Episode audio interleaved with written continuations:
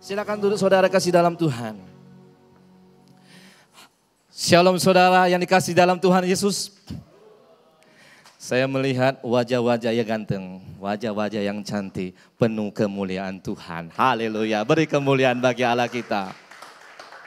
Kata orang tuh macan, manis dan cantik. Saudara yang kasih dalam Tuhan, bulan tujuh. Kalau orang bilang secara rohani, angka tujuh itu angka yang the best, betul ya? Bulan tujuh, bulan penuh berkat. Amin. Tanggal 9 Juli 2023 kita percaya sampai akhir bulan Juli ada pernyataan Tuhan senantiasa. Ada berkat-berkat. Tuhan tidak pernah meninggalkan kita. Saudara, tadi sore saya lihat kebun di belakang rumah. Saya melihat pisangnya subur, besar-besar, pisang jantan. Saya ada kasih juga beberapa hamba-hamba Tuhan di tempat ini. Pisangnya enak, termasuk Bapak Gembala. Masih ada Bapak pisangnya Pak? Kalau habis boleh lagi datang ke kebun saya. Free, gratis. Haleluya. Jadi kenapa bisa menghasilkan yang baik? Karena tanahnya baik. Tanahnya dicangkul, pedih. Kalau tanah itu bisa berkata-kata, aduh sakit dicangkul. Tapi dia mau ingin menghasilkan sesuatu yang terbaik, dia ikhlas. Dia rela siap aku dicangkul. Habis dicangkul, dikasih pupuk, baru kita tanam apa kesukaan kita. Mungkin mangga atau apa kendondong. Pasti kita percaya menghasilkan yang terbaik. Kita juga mau usaha kita mengalami yang baik. Rumah tangga kita, kita mau mengalami yang baik. Bisnis kita lancar, pekerjaan kita lancar, usaha maupun sekolah kita lancar. Ada perubahan-perubahan yang harus kita lakukan untuk sore hari ini. Yang terutama perubahannya itu hati kita. Kita buka Amsal 4 ayat 23. Saudara yang masih bawa Alkitab yang lama, saudara buka, mungkin kayaknya nggak ada lagi ya. oh, wah, haleluya, Pak Komandan kita masih ada Alkitab lama luar biasa, Alkitab kehidupan. Tapi kebanyakan pakai ini sekarang ya. Haleluya. Kita buka Amsal 4 ayat 23 yang sudah dapat katakan. Amin. Kita baca bersama-sama. 3, 2, 1 dengan suara yang besar. Janganlah hatimu dengan segala kewaspadaan, karena dari situlah terpancar kehidupan. Sekali lagi, 3, 2, 1. Jagalah hatimu. Karena dari situlah terpancar kehidupan. Saudara, hati ini penting. Tuhan itu memilih kita. Ini pilihan-pilihan Tuhan semua, amin. Tuhan tuh melihat hati saudara. Tapi kalau manusia itu melihat rupa, betul? Yang ganteng, bodinya, wah, ada ototnya. Kalau saya nggak ada otot lagi, sudah gendut, ototnya nggak ada lagi. Lalu kalau kita melihat di mana Tuhan berkata kepada Nabi Samuel, engkau harus pilih lagi satu raja untuk mengganti Saul. Dia pergi ke rumah keluarga Isai. Dipanggillah anak-anaknya. Eliab, Aminadab sama. Waduh, perawakannya tinggi-tinggi, bagus semua. Kata Samuel, Tuhan kayaknya ini. Ini yang kau pilih Tuhan jadi raja. Tapi Tuhan berkata, engkau melihat apa yang di depan matamu. Tapi aku melihat hati. Amin. Ketika hati kita mau dibentuk. Ketika hati kita mau Tuhan ini bentuk aku. Jadi bagikan bejanamu.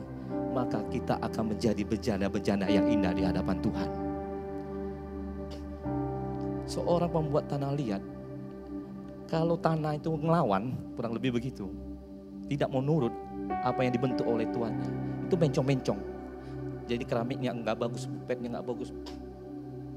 Tapi kita mau dibentuk oleh Tuhan, mau dipakai dan diberkati Tuhan. Jangan sampai ada benih kejahatan. Kalau ada sampai benih itu jatuh di dalam kehidupan kita, hati kita, hidup kita akan berubah total yang baik jadi jahat, yang murah hati dengki jadinya. Suka menolong enggak lagi suka menolong. Suka berdoa untuk orang lain enggak peduli lagi dengan orang lain. Kenapa? Hatinya enggak dijaga. Hati ini adalah pusat kontrol kehidupan orang-orang percaya. Kalau hati ini bahan bakar dalam bahan, bahan bakar yang salah kita isi. Misalnya motor atau mobil, bahan bakar yang salah diisi. Minyak bensin diisi solar. Jalan 10 meter atau 20 meter pasti mogok. Begitu juga kalau sesuatu yang salah yang masuk di dalam hati kita, yang keluar pasti itu tidak benar semua. Pasti menyesatkan, pasti racun semua orang mendengarkannya itu. Kenapa hal itu bisa terjadi? Karena kita tidak menjaga hati kita. Bagi kita, bagaimana kita menjaga hati kita? Dengan kebenaran firman Tuhan. Bapak Ibu Saudara kasih dalam Tuhan. Ada nggak yang setiap hari baca Alkitab? Angkat tangan. Haleluya, puji Tuhan. Dua, tiga. Yang lain ke mana? Haleluya. Saudara, firman Tuhan itu menuntun saudara. Firman Tuhan itu membuat saudara menjadi pemenang lebih daripada pemenang. Saudara kasih dalam Tuhan Yesus. Ada hal-hal bagaimana kita tetap hati kita ini tetap setia. Hati kita tetap taat sama Tuhan. Mudah sekali. Ada tips-tipsnya yang sederhana. Yaitu kita pagi hari saat teduh doa pagi. Jangan usah sibuk-sibuk yang lain. Saya terapkan di dalam kehidupan pribadi saya. Bangun tidur, ya saya nggak jangan langsung bangun ya. Kalau kita tiba-tiba langsung, ini darahnya belum mengalir, sepoyangan. Gerak-gerak dulu di kasur, habis itu duduk di tepi kasur, datang kepada Tuhan doa. Tuhan, aku anakmu datang pada hari ini Tuhan Tuhan, Engkau tahu menjadi keluh kesahku Tuhan. Aku percaya ketika aku bersama berjalan bersama dengan Engkau, siapakah lawan aku? Engkau adalah kekuatanku. Amin. Jangan buka HP. 80% kebanyakan orang buka HP pagi hari. Ya, belum cuci muka. Langsung HP. Masih di tempat tidur. Itu anak saya. Moses. Saya kata, eh nak, enggak boleh cuci muka dulu, doa dulu. Dan saudara adik, penelitian mengatakan ketika kita buka HP, itu akan mengurangi produktivitas kehidupan kita untuk menghasilkan kemampuan menghasilkan sesuatu. Ya kalau buka, kita penasaran, manusia ini penasaran. Saya katakan dari ibadah khotbah kedua, seandainya kalau ini dicat, ada tulisan, jangan dipegang, cat masih basah. Kira-kira kita sebagai manusia pegang nggak? Pegang ya. Kenapa? Penasaran. Begitu juga kita penasaran. Eh ini WA-nya siapa nih ya? Siapa ya? Inter, uh, eh, IG apa lagi TikTok segala macam, Twitter segala macam. Kalau kita enggak saat teduh saudara, dekat dengan Tuhan. Kalau ada berita yang tidak baik, berita yang kira-kira menakutkan, saudara apa? Galau. Tiba-tiba saudara punya pasangan ya, pacar, say, beb atau gitu ya. Sepertinya hubungan kita ini tidak bisa diteruskan lagi. Kayaknya kita hentikan di sini. Tiba-tiba dia matiin HP-nya, nggak bisa dihubungi. Tiba-tiba kalau kita anak-anak muda tidak saat teduh, saudara, tidak dekat sama Tuhan, hidupnya pasti galau. Menangis, meraung-raung. Mungkin satu hari itu nggak makan. Mungkin satu hari itu nggak mandi. Saudara, ketika saudara diputuskan pacar saudara, katakan puji Tuhan. Amin. Tuhan berikan yang terbaik bagi saudara. Saya tadi ibadah kedua nggak berani kesaksian karena ada ibu negara. Nah, ibu negara nggak datang hari ini berani kesaksian. Saya saudara, ya istri saya itu ya no, ibaratnya pacar yang keberapa? Playboy juga saya dulu saudara. Ya muka jelek-jelek ini, hidung pesek, banyak juga yang suka ya. Bingung juga saya. Apa sih kelebihan saya? Saya nggak tahu. Nah saudara, ketika diputus, saya nggak galau. Kenapa? Saya rajin ke gereja. Karena saya ada kebenaran firman Tuhan. Saya percaya Tuhan akan memberikan yang terbaik. Hilang satu, tumbuh seribu. Amin. Iya, Jangan galau. Tiba-tiba, ah Bapak pendeta, Bapak pendeta nggak tahu perasaan aku. Aku tuh sudah cinta dalam samanya. Lebih dalam dari lautan, lebih tinggi. Gombalan. Saudara percaya Tuhan menyediakan yang terbaik bagi saudara. Ketika saudara saat teduh, apa pun berita yang tidak baik, saudara bisa menghadapinya dengan tenang, dengan hikmat Tuhan, dengan pengurapan Tuhan, dengan kuasa Tuhan, maka segala apa pun, sesulit apa pun, ada jalan keluar. Amin. Dia buka jalan saat tiada jalan. Bantu aku dong WL-nya. Mana WL-nya? Nggak apa lagunya? Waduh. Ya nggak apa-apa lah. Dia buka jalan saat tiada jalan. Jadi saudara, ketika tidak ada jalan lagi, Tuhan yang buka jalan bagi kita. Gak perlu takut saudara, karena intim Tuhan memberikan hikmatnya. Salomo itu apa? Dia nggak minta kekayaan, minta hikmat. Kalau kita penuh hikmat, maka hidup kita akan bahagia, hidup kita akan sejahtera. Saudara yang kasih dalam Tuhan, banyak sekali kalau kita melihat saudara, hari-hari ini saudara orang banyak frustasi, orang banyak galau. Kenapa? Yang dibuka bukan firman Tuhan, HP, penuh dengan semua penuh di otak ini, nggak mampu stres. Tapi saudara ketika saudara penuh dengan kebenaran firman Tuhan, maka hidup saudara akan sejahtera. Saudara yang kasih dalam Tuhan. Yang kedua, hafalkan ayat firman Tuhan setiap hari itu satu aja. Baca lima kali terus, habis itu baca tiga kali diapali. Kenapa saudara firman Tuhan itu penting? Firman Tuhan itu menangkis serangan-serangan musuh, yaitu iblis yang menyerang kita. Ketika kita menghadapi pekerjaan, menghadapi bisnis, menghadapi apa pun bentuknya itu. Tapi ketika dia mau serang kita ada perisai. Perisai kebenaran firman Tuhan. Banyak orang-orang saudara di luar negeri, terutama orang-orang di Korea ya saudara, artis-artis Korea yang cantik, yang ganteng, apa sih yang mereka kurang? Semua tercukupi. Orang tua mereka kaya-kaya. Ketika mereka usia 17 tahun, ulang tahun, diberikan hadiah. Bukan hadiah sepatu, handphone, iPhone, bukan. Hadiahnya apa? Operasi plastik supaya cantik dan ganteng. Tetapi apa saudara? Kenapa banyak yang bunuh diri saudara? Karena apa? Mereka jauh daripada Tuhan.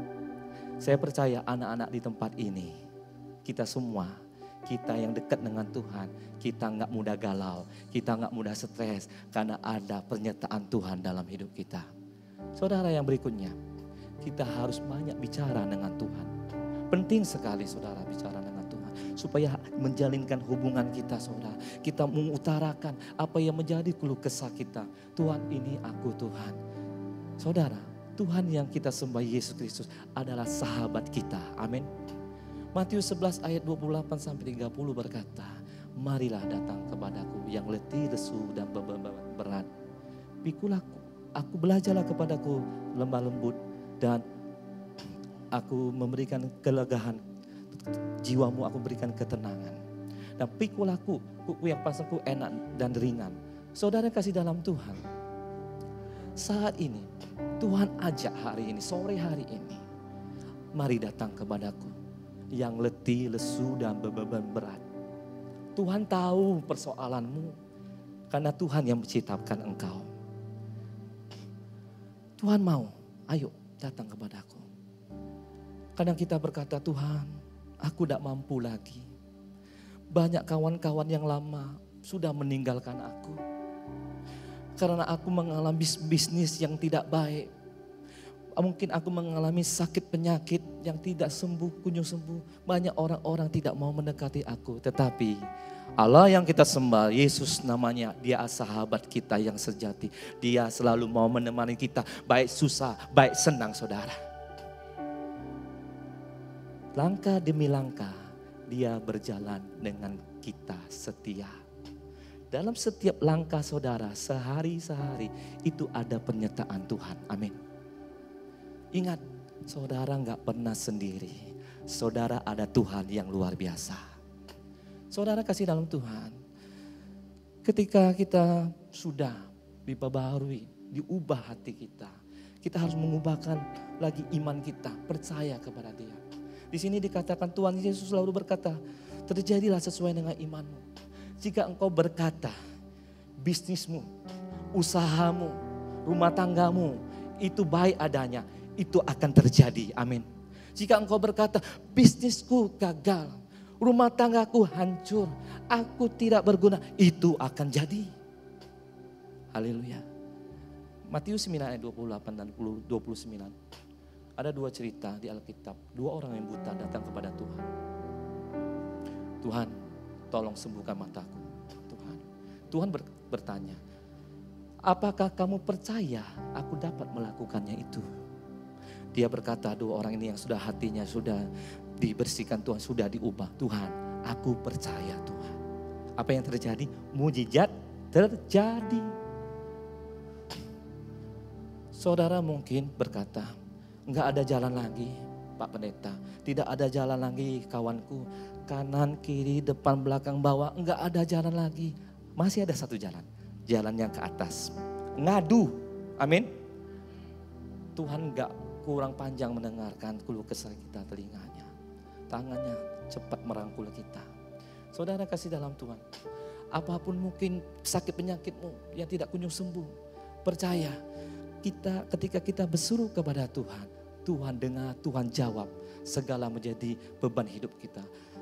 Dua Raja-Raja 20 berkata, Eskiel yang sakit disembuhkan oleh Tuhan. Eskiel waktu dia sakit sudah mau mati. Dan tabib itu berkata, sudah kamu katakanlah apa kata-kata terakhir kepada keluargamu. Tiba-tiba Heskel berbaling muka. Dia menghadap ke tembok, dia berseru, Tuhan, Tuhan. Dia berseru nih, tolong aku Tuhan, aku anakmu Tuhan. Kurang lebih kata-kata demikian. Tolong Tuhan, aku ini oh, hati yang setia Tuhan. Aku hati yang tulus Tuhan. Aku ini melakukan yang benar di hadapanmu Tuhan. Apa yang terjadi? Hezekiah 2, 2, 2 Raja-Raja 20 ayat 1 sampai 6 itu dikatakan Tuhan mendengar apa yang didoakan Hezekiah. Akhirnya apa? Diperpanjang umurnya 15 tahun lagi.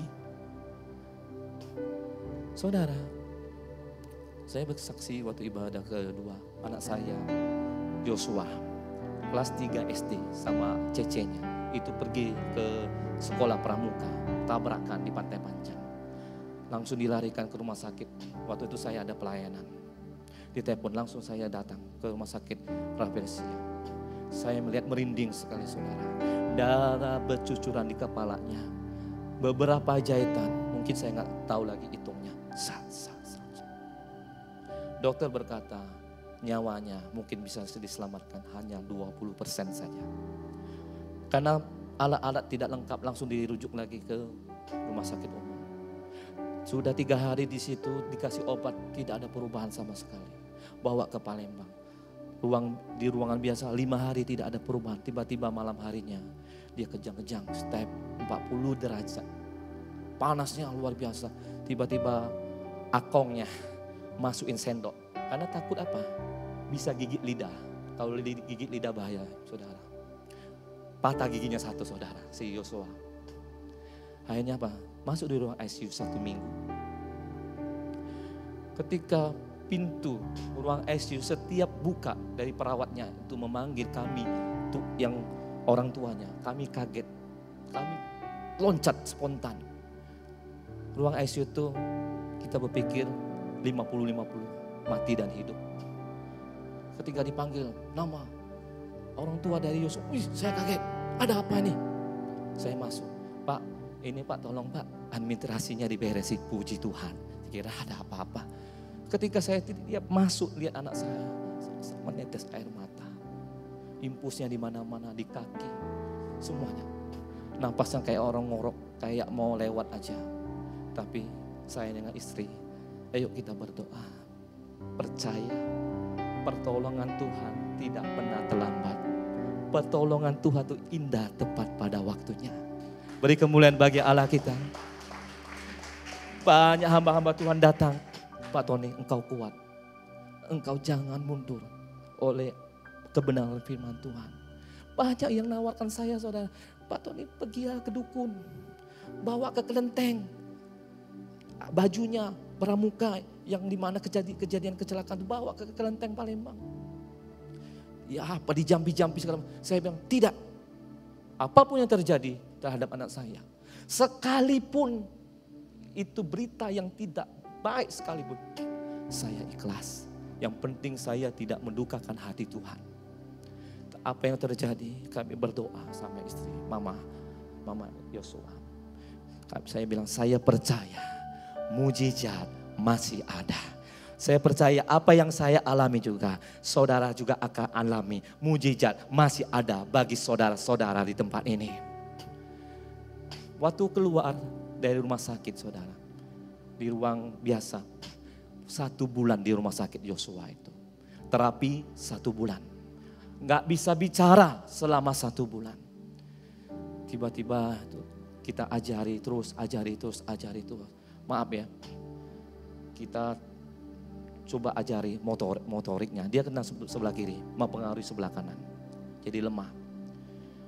Jo, coba pilih. Ini mic atau HP, kurang lebih begitu. Dia nggak bisa pilih. Yang mana mic ya?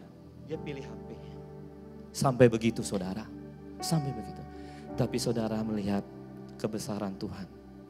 Yosua anak saya sampai saat ini dipakai Tuhan luar biasa. Dia melayani tempat ini, melayani singer saudara. Haleluya.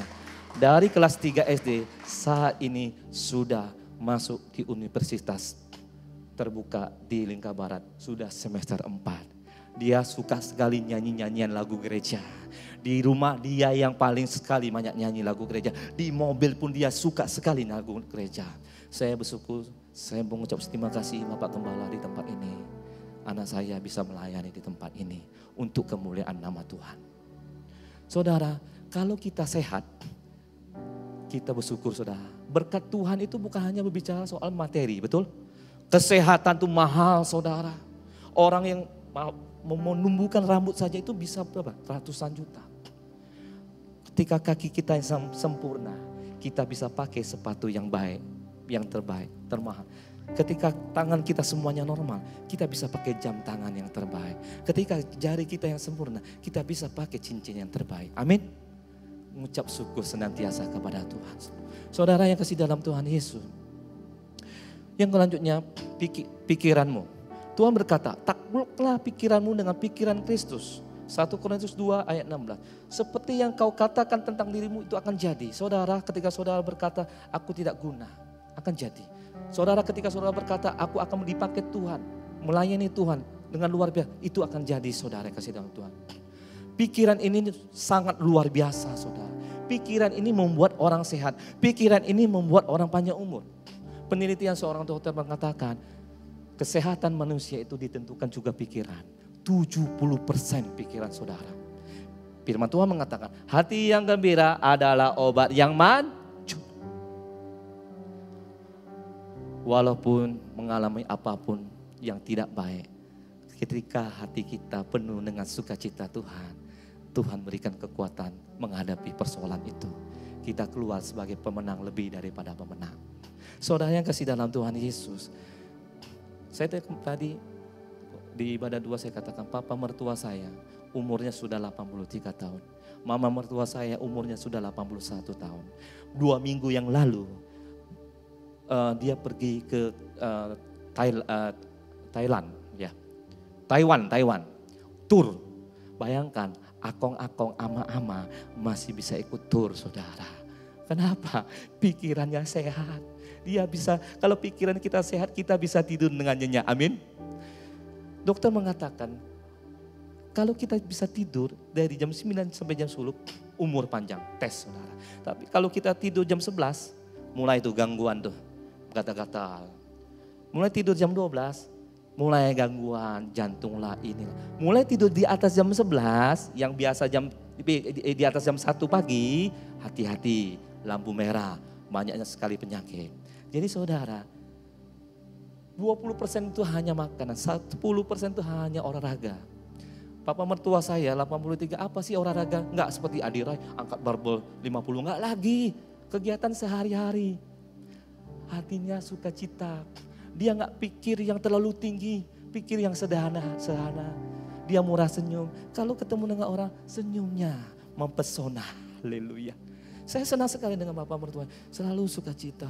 Orangnya murah hati, belas kasihan. Dia nggak pusing.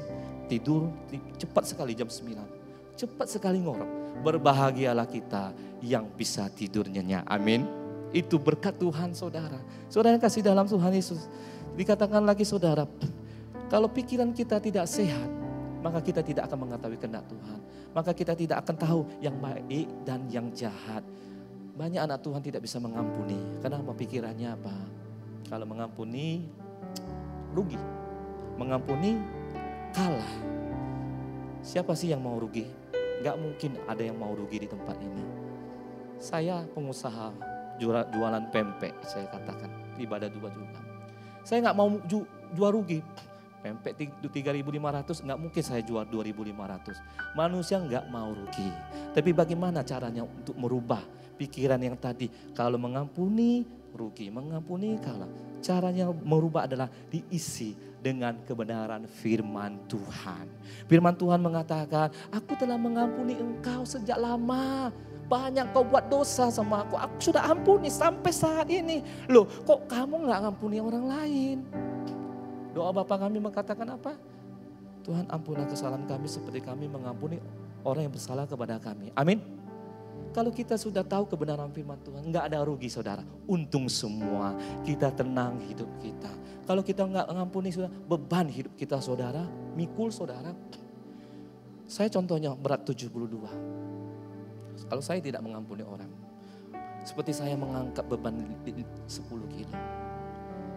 Ketemu lagi orang, mungkin nggak sependapat dengan saya, ribut, saya nggak ngampun lagi, tambah lagi 10 kilo 10 orang ketemu, jadi 170, mungkin begini saya jalan. Susah ya? Hidup tuh dibuat enjoy, dibuat santai saudara. Kalau orang yang enjoy, eh, orang yang santai umurnya panjang semua. Enggak stres, dok tidur tenang, nggak mikirkan. Wah dia lagi apa ya saat ini? Putar video, ini iblis ya, putar video. Dia tenang-tenang tidur, kita yang susah. Dia yang makan enak. Makan B2, Puyung Hai, capcay. Kita gak bisa makan karena mikirkan dia. Haluki saudara. Lepaskan pengampunan. Amin. Saudara yang kasih dalam Tuhan Yesus. Di sini juga saudara dikatakan yang ketiga harus dirubah adalah perkataan kita. Kita berkata seperti apa yang dikatakan di hadapanku aku lakukan. Matius 18 ayat 19 dan 20. Jangan lagi kita pernah berkata, aku tidak ada apa-apanya. Aku terlahir miskin. Aku terlahir memang tidak berguna.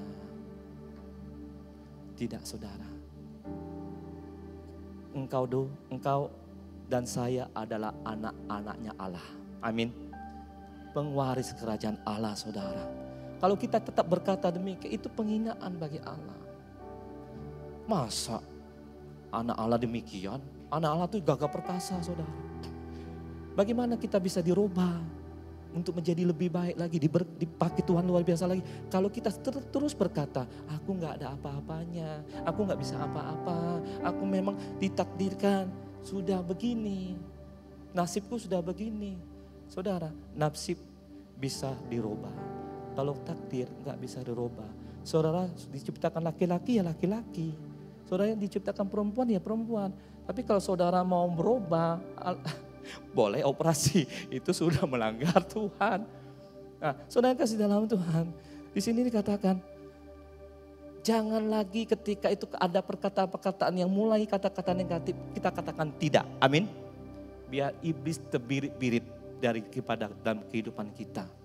Tuhan katakan, engkau ini anak-anaknya Allah. Engkau ini Allah pengwaris kerajaan Allah. Siapa yang mengatakan itu? Aku berikan kuasa. Siapa yang berikan kuasa? Pencipta langit dan bumi. Yaitu siapa namanya? Yesus Kristus namanya.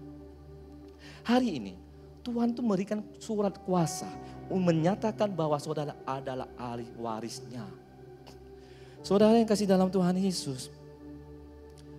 Apa pun persoalan yang saudara hadapi hari ini saya berbicara tentang covernya Tuhan, backupnya Tuhan. Ketika anak saudara diganggu oleh orang lain, pasti mama papanya maju. Tapi ketika saudara sendiri diganggu, ada perlindungan, ada penjagaan, ada pasukan-pasukan mereka dari kerajaan Allah untuk menolong saudara. Karena engkau adalah anak Allah. Amin. Engkau adalah pewaris kerajaan Allah. Saudara kasih dalam Tuhan Yesus. Kita ini adalah raja wali, raja wali, bukan ayam, ayam, bukan anak ayam, anak raja wali. Anak raja wali itu kuat, bukan ayam. Dilempar, petak, petak, petak, lari tepi birit. Kalau raja wali enggak kuat. Saudara, kalau kita melihat induk raja wali ini, dia membuat sangkar untuk anaknya di atas tebing. Dia dengan tiga unsur, dia ciptakan, dia ambil di bawahnya dari duri-duri yang di atasnya pakai daun-daun, di atasnya dia pakai bulunya sendiri biar anaknya nyaman. Nah, sudah pada saatnya saudara, sarang itu digoyang oleh induknya. Bulunya dibuang, daunnya dibuang, tinggallah duri-duri. Anak tuh nggak merasa nyaman lagi di tempat itu. Dia katakan kepada mungkin kakaknya, kak kayaknya nggak enak lagi tempat ini. Sakit-sakit semua duri-duri. Akhirnya apa? Dia terjun, melompatkan diri. Dia lihat induknya di atas. Loh kok mamaku nggak nolong aku? Wih tega kali mama ini. Tapi saudara lihat, induk Raja Wali. Dia langsung melihat anaknya hampir satu meter mendarat di, di bebatuan. Dia langsung dari atas dia langsung membungkuk badannya, eh, menutup seluruh sayapnya. Jadi lebih cepat. Dia langsung menepas hampir sampai di tempat anaknya itu. Dia langsung mentangkan sayapnya, anaknya terlindungi. Saudara jatuh nggak sampai tergeletak, amin. Ada tangan Tuhan yang menolong saudara. Ada kuasa Tuhan yang menyertai saudara. Saudara, perkataan ini sangat berkuasa saudara. Perkataan ini bisa mendatangkan berkat, perkataan ini bisa mendatangkan kutuk. Perkataan ini bisa menenangkan hati orang juga. Bilangan 13 ayat 30. Musa mengutus 12 pengintai. 10 mengintai memberitakan kabar yang jelek. Memang dilihat fakta, benar. Orangnya besar-besar tinggi. Tak hasil tanahnya subur-subur. Bagaimana kita bisa menduduki tanah kanaan itu. Tapi dua orang ini, memang dia lihat kenyataan, tapi dia tetap pegang janji Tuhan. Hidup ini, kita jangan dengar kata orang. Orang kata ini, kita ikut. Orang kata ini, kita ikut. Kadang-kadang kita bingung, yang mana yang saya mau ikuti? Hanya apa? Kita jalan di tempat, nggak bisa lakukan apa-apa. Tapi saudara, ketika saudara melakukan kebenaran firman Tuhan, firman Tuhan itu merdekakan saudara. Firman Tuhan itu membuat saudara menjadi sesuatu hal luar biasa.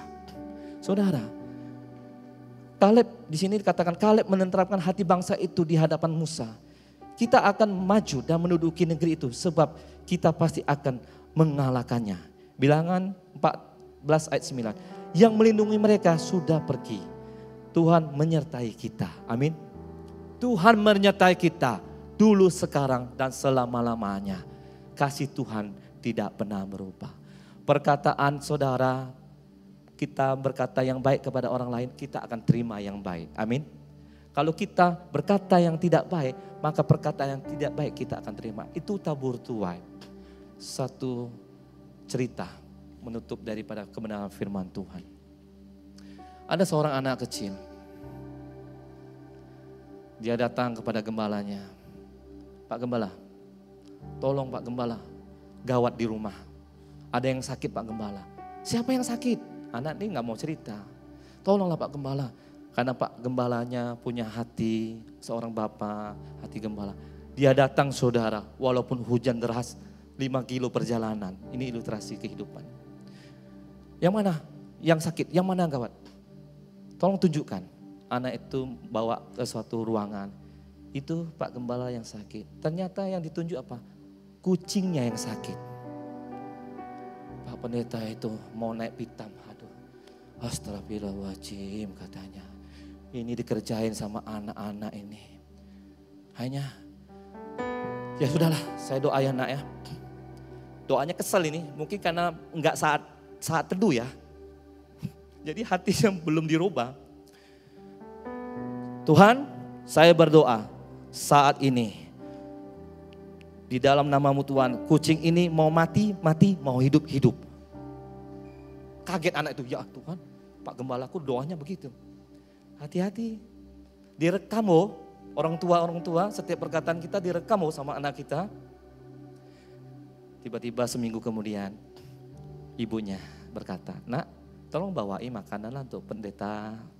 Dibawain makanan. Shalom Pak Pendeta.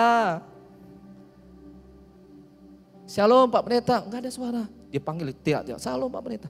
Shalom. Suara yang berat. Ternyata Pak Pendetanya sakit. Di mana Pak Pendeta? Itu di ruangan A, eh, di ruangan yang kamar B katanya. Oh iya ya Pak Pendeta.